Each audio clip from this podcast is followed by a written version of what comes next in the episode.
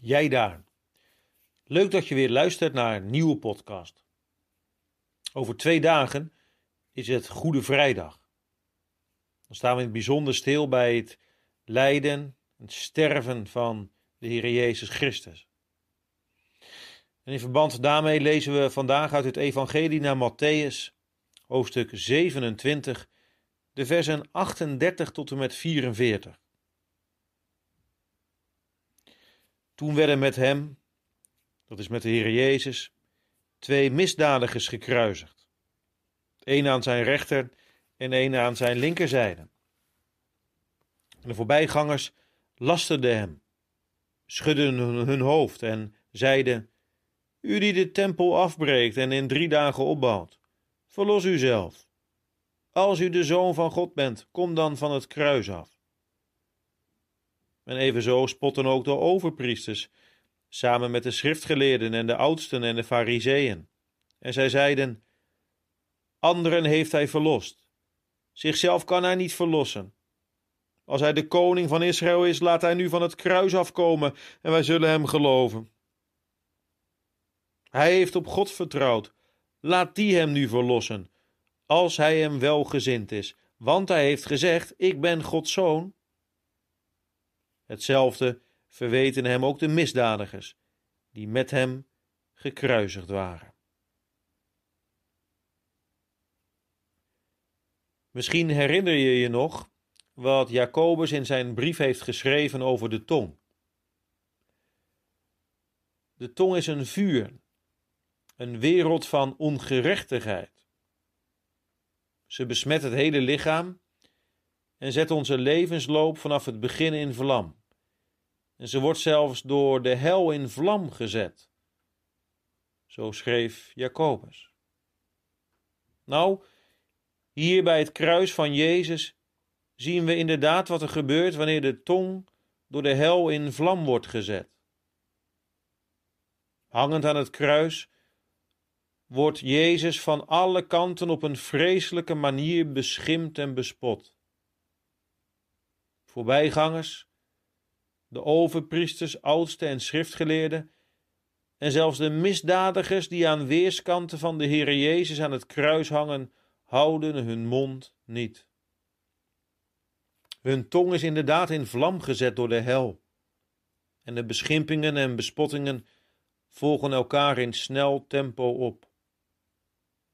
En we horen ze spotten. Anderen heeft hij verlost, zichzelf kan hij niet verlossen. Tjo, als hij koning is, laat hij dan van het kruis afkomen.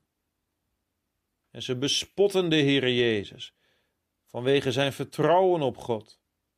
Ze zeggen: Hij heeft op God vertrouwd.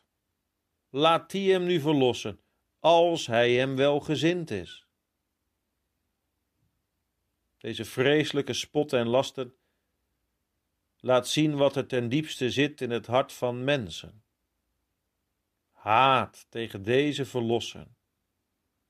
En nee, niet alleen in het hart en in de mond van deze spotters rondom het kruis, maar in het hart van ons allemaal. Het is namelijk ook door onze zonden en door onze schuld dat de Heer Jezus hier wordt bespot. Dat was ook onderdeel van zijn lijden. En toch, hoe vreselijk deze spot ook is, ergens zit er wel een kern van waarheid in hun spot. Hoor maar. Ze spotten.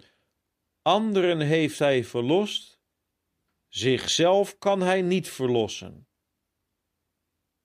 Inderdaad, Gods Zoon, de Heer Jezus Christus, is gekomen, heeft geleden om anderen te verlossen. En daarom kon en mocht hij, toen hij hing aan het kruis, niet van het kruis afkomen. Hij mocht en kon zichzelf niet verlossen. Want was Christus wel van het kruis afgekomen, dan zouden wij niet verlost zijn. Dan zou het voor eeuwig verloren zijn geweest.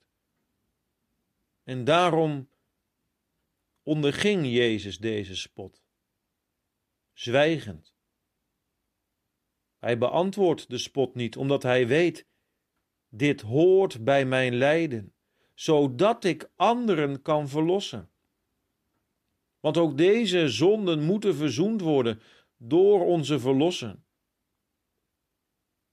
Wanneer wij daarom lezen en horen van spot en hoon onderaan het kruis, dan is dat zodat wij ons zouden verootmoedigen voor de Heere en zouden zeggen: Ik ben het Heere die u dit heeft aangedaan. Om hem dan ook te aanbidden. Dank u, Heere, dat u toen de spot klonk, dat u toen niet van het kruis bent afgekomen, maar dat u dwars door deze spot heen hebt volgehouden, tot het einde toe.